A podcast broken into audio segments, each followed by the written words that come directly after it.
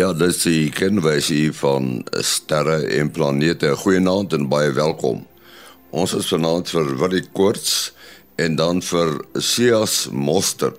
Nou Sias het baie ervaring in die ruimtebedryf en hy gaan praat oor die feit dat satelliet die Sunset satelliet so 25 jaar gelede die ruimte ingestuur is. Maar voordat eers Lafra Smit met wat volgende maand te sien is. Lafras Goeienaand en nie goeienaand ook aan al ons luisteraars. As ons na Maart maand se hoogtepunte kyk, is dit redelik aan die stiller kant. Soos altyd gaan ek sommer so met die datums af. Die oggend van die 8ste sal Venus, Mars en 'n dun sekelmaan 'n mooi driehoek in die ooste maak net voor sonop. Venus en Mars bly vir die maand vroeg in die oggend in die ooste te sien. So van die 10de af sal Saturnus ook saam met Venus en Mars vroeg in die oggend gesien kan word. Die maan is die 14de naby Jupiter en die 15de naby die Pleiades. Jupiter bly nog te sien saans na sononder in 'n noordwestelike rigting. Die 20ste is sonewening waar tydens die son dan direk op die ewenaar skyn. Die dag en nag sal dan ewe lank wees waar die son dan ook reg oos opkom en reg wes sal gaan sak. Die oggend van die 22ste sal daar 'n mooi konjunksie met Venus en Saturnus wees. Onthou gerus om dit nie te mis nie. Die 25ste is volmaan en die 30ste sal die maan naby Antares wees. Die Orion konstellasie is in Saans net na sononder sigbaar hoog bo mense kop en vroegoggend is die Skorpioen al redelik hoog in die ooste te sien. Die suiderkruis is saans op sy een sy in 'n suidoostelike rigting. Teen middernag staan dit mooi regop reg suid en teen vroegoggend weer op die ander sy in 'n suidwestelike rigting. Soos altyd sal ek al hierdie inligting en datums op ons Facebookgroep se dekfoto sit. Nou ja, dit is dan die storie vir hierdie maand, redelik stil soos ek genoem het, maar as jy die kans kry om onder die naghemel te wees, lekker opkyk almal. Dankie daarvoor uh, sê as dit klink uh, byna soos gister, maar ek weet nie of u daar by die huis onthou uh van die satelliet Sunset en uh Sias Mostert was baie nou betrokke by Sunset. Uh vertel ons 'n bietjie meer daarvan Sias. Ja, so ek was uh, ek het by die Sunset span aangesluit in 19 ek was eintlik in 1991 daar maar in 1992 het ek uh, voltyds begin werk saam met die Sunset span as die uh, ontwikkelingsbestuurder in die elektroniese stelsels laboratorium van Stellenbosch Universiteit. Ehm um, en die die projek het ons toe gedra tot in 1999 ehm um, op 23 Februarie 1999 wat die satelliet uiteindelik gelanseer is. Nou ek was uh, dit was die 11de poging om die satelliet te lanseer wat hy mee suksesvol was. Ehm um, ek was die enigste eerste twee in Amerika en hierdie lanserings na die eerste twee het ek besef daar's oor regtig geen waarde wat ek kan toevoeg nie want dit gebeur tipies 1 uur 2 uur in die oggend. Hulle mobiliseer 1000 mense oor die lengte en breedte van van Amerika om die uh, ondersteuningsstelsel te wees vir telemetrie vir hierdie vir so 'n lansering. Ehm um, en toe na en toe dit nou weer uitgestel word en dit word uitgestel vir 'n wye verskeidenheid van baie interessante fenomene na my mening. Maar die die kruks van die saak is moenie in Februarie probeer lanseer van van 'n berg lugmagbasis nie, want die wind waai in die verkeerde rigting. Dit is uh van die lesse wat ons geleer het. Ja, so verlede Vrydag was dis nou presies 25 jaar gelede. Miskien net die die die naam Sunset uh, vir mense wat nie weet nie. Wel, uh Stellenbosch Universiteit satelliet. Dit is nog, dit is seker sekerlik uh een van die van die skepings van professor oorlede professor Christo Viljoen wat ehm um, wat baie wat baie gestel was op baie dinge ehm um, en ook daarmee saam die die gebruik van Afrikaans in tegnologie. Ja, sies uh, ons praat nou van 'n satelliet. Hoe groot was hy? Sansat was 'n hele 64 kg. Ehm um, hy het min of meer so groot soos 'n klein uh tuimeldroër. Ehm um, en die die die dimensies van Sansat het uh, het presies ingepas in uh in die spaarruimte van 'n Delta 2 vuurpyl. Nou ehm um, die die spesifieke Delta 2 vuurpyl het uh is is gemaak deur ehm um, McDonald uh, MDA in in Amerika die die die SpaceX manne is deesdae aan daai ehm um, geboue besig om hulle vuur om die uh, Falcon 9s te bou daar. Maar hierdie spesifieke Delta 2 missie het 'n baie spesiale hoofloonvraag gehad vir die vir die Amerikaanse lugmag. En omdat hy die spesiale missie gehad het, was daar 'n spesiale gaatjie wat presies gepas het by by Sansat se grootte. Uh enige ander saamry geleenthede met 'n Delta V sou dit sou nie gewerk het nie. Ehm um, en ons het uiteindelik in 19 uh Oktober 1995 die kon lanseer uh kon datum die eerste keer gekontrakteerde lanseerdatum was Oktober 1995 en nou kan jy tel tot in 1999 is 'n is 'n hele 4 jaar later en en nou kan jy jouself afvra nou hoe op dese aarde bedryf jy 'n satellietprojek met 'n vertraging van amper 4 jaar. Ehm um, en dis uh dis een van die van die kunsgrepe van die tyd in die in die oorgang van uh van Suid-Afrika na 1994. Ja, dit herinner ons amper aan Hubble ruimteteleskoop wat ook vir jou, hy seker nog langer in in in in die in die in die stoorkamer gestaan wat natuurlik nou 'n skoonkamer is want dit is mos als moet nou netjies eh, skoon gehou word. Ja. Ja, so ek as ek reg verstaan was die ehm um, soos jy sê daar was nou net 'n mooi gaatjie het het ons betaal vir die vir die lansering of 'n sekere spesiale prys gekry en en uh, ek dink ook een van die probleme uiteindelik was dat die baan waarna hy gegaan het was nie regtig uh, bedoel vir die baan uh, of vir sy ontwerp nie nê nee, of jy omdat jy nou nie kon kies nie is, is dit maar die baan waarin hy op opgeëindig het Ja, dit is nou kyk dit is in die dae toe daar dinge gebeur het wat eintlik onmoontlik was. Ah. Ehm um, so so hierdie lansering uh ek ek weet nie wat als opgeskryf is waar in die wêreld nie, maar ek is seker 'n mens kan tussen Google en ChatGPT kan jy gaan soek daarvoor. Maar die hierdie lansering was uh was aangebied deur die uh deur NASA.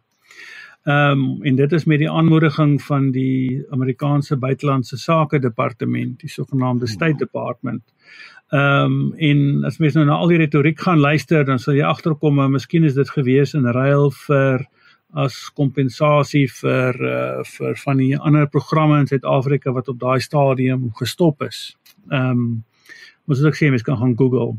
Die wentelbaan is is ook 'n spesiale wentelbaan want ons was nie die eerste saamreis satelliet nie. Daar is 'n Deense satelliet met die naam van Oersted uh wat eintlik die wentelbaan bepaal het en hierdie is 'n magnetiese uh, observasie wentelbaan gewees.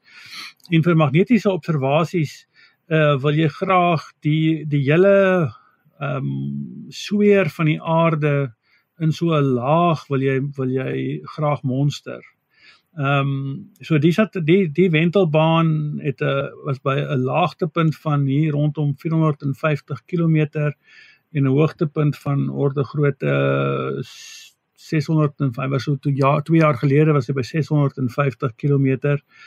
So dis 'n elliptiese wentelbaan en verder het, was hierdie wentelbaan nie sonsinkroon nie. Sonsinkroon is is die wentelbaan van keuse vir kameras. Ehm um, hmm. want dit beteken die wentelbaan draai om die aarde teen dieselfde tempo wat die aarde om die son draai. So jy jy sien so 60 minute se skaduwee en dan 30 minute is 'n son en dan 30 minute se skaduwee en dit hou die satelliet lekker koel. Cool. Dis 'n natuurlike temperatuurregulasie meganisme vir die vir die satelliet. Maar uh, hierdie spesifieke magnetiese observasie satelliet het ehm um, het sogenaamd gepresiseer rondom die rondom die aarde wat beteken het dat hy was vir 11 maande het hy so min of meer sonskade weer gesit en dan het hy vir 3 maande het hy voluit son gehad. Hmm. Nou hierdie voluit son is is iets waarvoor daar regtig nie ontwerp is nie en spesifiek om die batterye wat op op Sansat gebruik was was baie spesiale batterye. Want hierdie program was gedoen in 'n in 'n tyd toe daar dat daar geen geld was vir enige innovasie in Suid-Afrika van soorte nie net na 1994 het almal nog hulle asem opgehou en hulle beursies toe. So ons moet op die ouend gaan batterye gratis kry by ehm um, ergens in Amerika by een van NASA se se sentrums. Nou die spesifieke batterye was al vir 22 jaar in in koue stoor gewees. Hulle was spaar 'n spaarstel batterye vir 'n ander missie. Totaal vlug gekwalifiseer, maar net in die yskas vir 22 jaar en dit was to toevallig presies geskik vir Sansat gewees. So teen die tyd dat ons gelanseer het, het ons hierdie baie ou, baie goed opgepaste batterye gelanseer en hulle het verseker nie van die hitte gehou nie. Verseker. Ehm um, en ons kon en ons kon ook in die laaste telemetrie sien dat die batterye het swaar gekry. Ehm um, dit was die laaste boodskapie was op 19 Januarie 20 2001 Ehm um, en dit was duidelik uit die telemetrie dat die batterye kry swaar in die in die volson situasie. Wat het geword van die satelliet? Het hy teruggeval aarde toe of wat het geword van hom?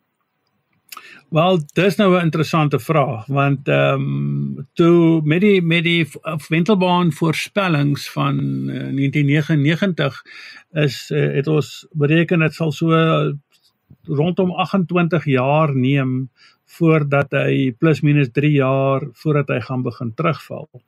Maar dit is so 'n paar jaar gelede by die Kaapstad se Technikon vir tegnologie CPUT het daar onlangs 'n student 'n uh, MTS is gedoen en drie satelliete met mekaar vergelyk waarvan een Sansat is en die resultaat wat daai uitgekom het is 'n 80 totale 80 jaar leeftyd. Nou hmm.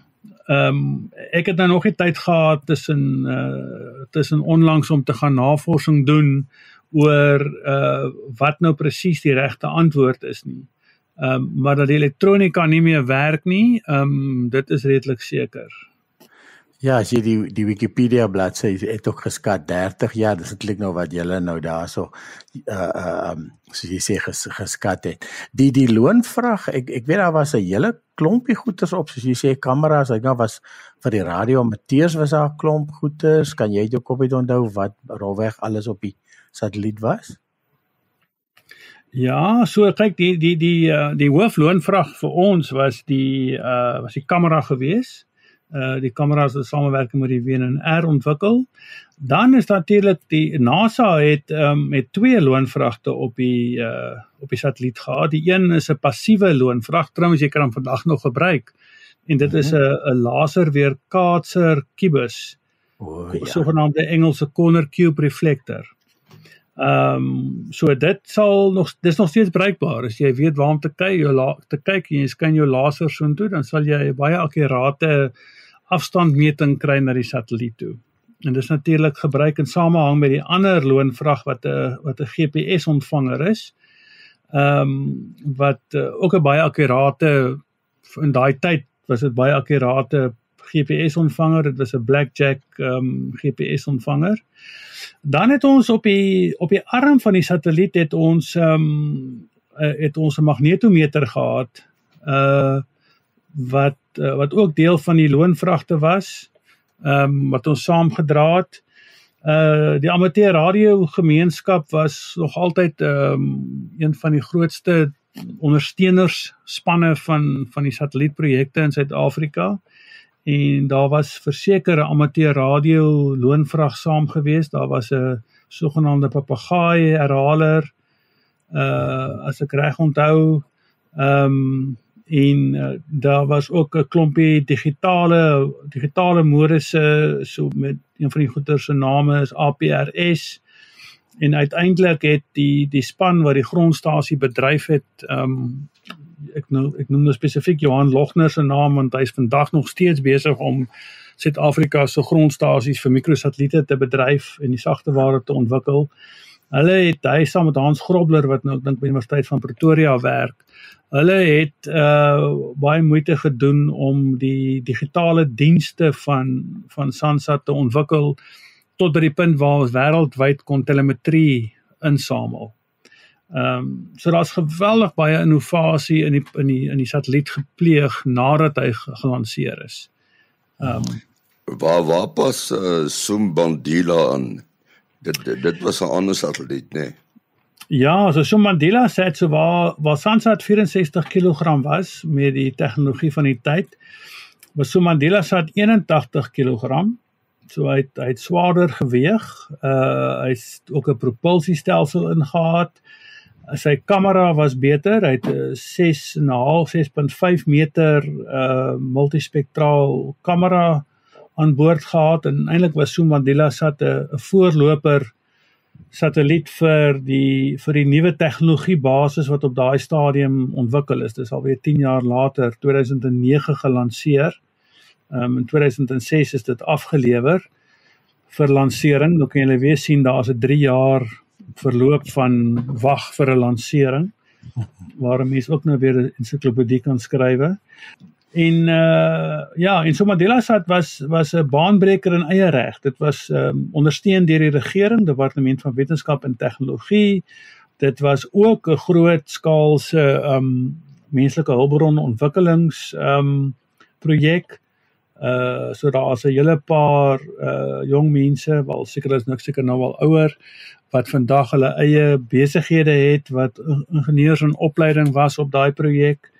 Um ja, dit was 'n dit was 'n mylpaal in eie reg. Ja, so so so, so Madela sê was ook by ehm um, by universiteit gebou of was dit toe al Sunspace gewees? So is 'n interessante vraag. Ehm um, so dit die so Madela sê die die hoofkontrak die hoofkontrakteur was Stellenbosch Universiteit uh het die kundigheid opgebou met die met die Sansat projek mhm. en die en die uitvoerende kontrak was ge, was ge, was gedra deur Sanspace. So Sanspace was 'n maatskappy wat dan uit ontwikkel het eintlik uit die universiteit. Korrek, korrek. Aha. As 'n mens so luister uh, Sias, dan klink dit of uh, of Suid-Afrika nogal taamlik bedrywig is met die ruimteprogramme, né? Nee? Kyk, die Suid-Afrikaanse ruimteindustrie moet 'n mens nie moet 'n mens nie lig takseer nie. Ehm um, as ek nou as ek nou 'n bietjie dink deur dis nou 30 jaar later, uh 19 sedert 1994. Ehm um, en die en die en die industrie bestaan uit 'n hele reeks van of 'n versameling van van maatskappye. Ehm um, daar is maatskappye wat in die stelsel integrasie kant uh, spesialiseer soos uh, soos Dragonfly. Ehm um, en Dragonfly is basies die die uitvloeisel van van Sunspace wat toe ehm um, Space Advisory Company geword het wat toe Dragonfly geword het. So dis daar's baie van die oorspronklike spanlede is daar. Dan is daar maatskappye wat ontstaan het wat komponente vervaardig. Een van die maatskappye wat ons wat ek 'n mede-stigter van was is New Space Systems. Ehm um, en hulle voer komponente uit reg oor die wêreld. Ek het onlangs gesien en gehoor in die openbaar dat hulle aankondig dat hulle hierdie jaar 200 miljoen rand se omset ma maak. Dan is daar 'n maatskappy met die naam van Cube Space. Nou hulle het onlangs 'n uh, 47 miljoen rand belegging ge gewerf uh om uit te brei na na groter groter toerusting toe. So hulle maak so so waar New Space maak goeders vir oriëntasiebeheer soos reaksiewiele uh nie goeie sterkamera op hulle lys gesien nie, maar reaksiewiele GPS ontvangers, sonsensors, horisonsensors sulke tipe toerusting. Ek sien hulle het uitge deesdae uitgebrei na na ehm um, na sterkameras toe ook. Ehm um, nou CubeSpace het, het het dit dit maak al die komponente vir nanosatelliete. Vir hierdie satelliete in die in die klas van uh, so Insight 1 wat ons nog nie oor gepraat het nie wat in 2017 gelanseer is was 'n 2.5 kg satelliet. Ja, nou vergelyk 2.5 kg met 81 kg, dis net in 'n ander klas. Ehm um, nou in daai klas van satelliete 2.5 kg tot 25 kg ehm um, word daar komponente gebruik wat deur CubeSpace vervaardig is. Dan is daar 'n maatskappy wat fokus op ehm um, hoë spoed kommunikasie, CubeCom. So hulle baie hoë spoed X-band kommunikasie. Hulle is besig om opspraak te maak in die wêreld. Dan het het CPUT het 'n uh, maatskappy het uit hulle uit afgespin of afgebreek Ons moet maar gaan kyk wat die stories is. Ehm um, wat uiteindelik deur 'n internasionale maatskappy opgepik is, ehm um, uh van Swede, AIC Clyde Space en ehm um, en hulle maak weer kommunikasietoerusting wat op satelliete gaan. Uh dan is daar Hypernova. Hypernova het ehm um, 'n propulsiestelsel ontwikkel vir nanosatelliete. Daar is Astrofika. Astrofika doen integrasie van hulle lewer integrasiedienste vir uh vir vir satelliete, nanosatelliete en mikrosatelliete. So daar's 'n hele 'n hele versameling van maatskappye wat almal hard aan die werk is om internasionaal um, uit te voer. Dan sal ook maatskappye wat internasionale maatskappye wat wat kantore in Suid-Afrika het. Ek dink spesifiek aan 'n Nederlandse maatskappy Isis Space. Ehm uh, het uh, het 'n rolspeler in Suid-Afrika wat groot in, in impak maak op lanserings internasionaal. Ja, en, en dan natuurlik onsself, ons is fokus deesdae op ruimte-infrastruktuur. So omdat die hele verskaffingsketting voorsieningsketting in ehm um, in Suid-Afrika gevestig is, kan het ons nou al die verskillende boublokkies wat beskikbaar is, kan ons nou die volgende vlak van van konstellasies van satelliete bou want die probleem met hierdie een enkele satelliet uh wat jy kan bou vir 'n ruimteprogram dis nou goed vir die president en is goed vir ingenieurs wat daaraan gewerk het maar is nie goed vir volhoubaarheid nie. So ons fokus nou op volhoubare ruimteprogramme en daarvoor het jy ehm um, konstellasies nodig. Die een konstellasie waarna ons werk het 12 satelliete, beeldvormende radar satelliete en die ander konstellasie in fase 1 het 40 ehm um, nanosatelliete. As as jy nou sê ons so julle maatskappy en also jy werk deesdae vir vir, vir watter maatskappy?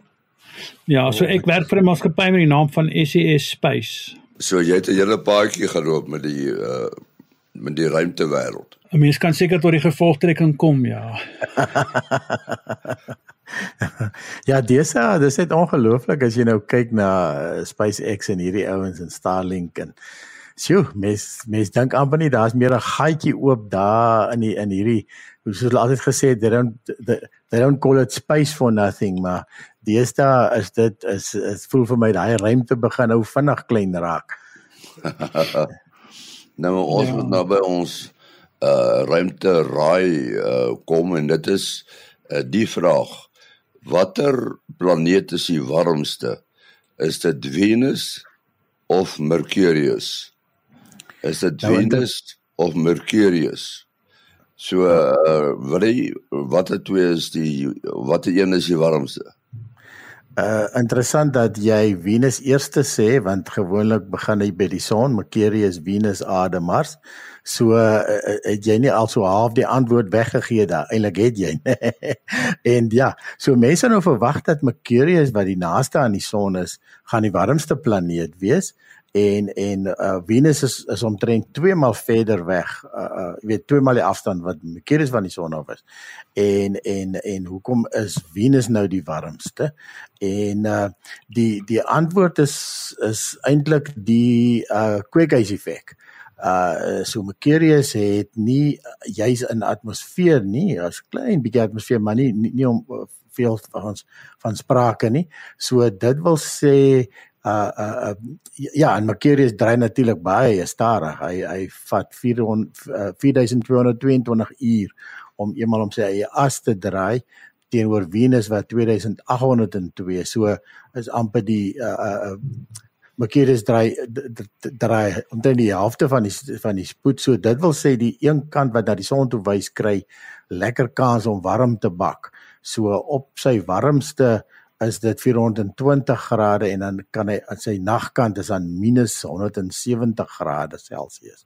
Um so die gemiddelde temperatuur op op Mercurius is 167 grade. Die gemiddelde temperatuur op Venus is 464. En die rede daarvoor is dat uh, Venus het hierdie dik dik dik dik atmosfeer, uh, 90 mal 92 mal dikker as die aarde se atmosfeer.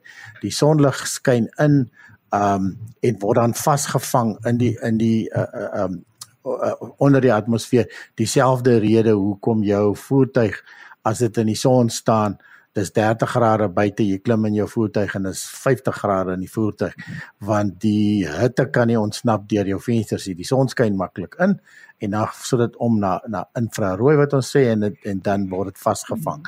En dit is dan ook die rede hoekom Venus so verskriklik warm is en uh, ja so uh, is uh, 464 grade is heelwat hoër as die smeltpunt van lood So lood kan nie op die oppervlak in 'n vaste vorm uh um voorkom nie. So dieselfde wat uh, Sias nou vir ons sal sê dat in ons vuurpyle in ons satelliete en die landers wat ons uiteindelik gaan land op 'n op 'n planeet is alles um elektroniese borde en elektroniese borde word met met met lood om blootmengsel dan nou uh uh uh die komponente vasgesoldeer. So sodra jy uh, voet uh, iets daar probeer land, dan dan sal al die komponente hulle self lossondeer lossoldeer. So daar was twee landers al, die een deur die Russe en ek kan nie onthou wie die ander een was nie. Hulle het vir so 'n paar uur oorleef natuurlik baie baie temperatuur afskerming om om dit te kan doen en uh, ja, so dit is dan die Venus is dan die warmste planeet alhoewel hy die tweede van die son af is. Ja, dis interessant. Wil jy besonderhede? Ja, mense kan bel of WhatsApp verkieslik 072 4579208. 072 4579208. En dan sê as jy 'n e-posadres wat mense met jou kontak kan maak? Ja, hulle kan gerus geskaal uh, stuur na ehm um, my privaat e-pos mosterdsias als een woord @gmail.com. Sê hom weer. mosterdsias mosterd met 'n t @gmail of gmail.com. En dan my telefoonnommer 082 5724170. 0825724170 en dan ons Facebookblad is Henny Maas en sy ruimtespan. Henny Maas en sy ruimtespan. En ons e-posadres is sterreplanete@gmail.com. sterreplanete@gmail.com. Ons sê dankie aan Willie Koorts en Sias Mostert. Tot volgende week. Alles van die beste.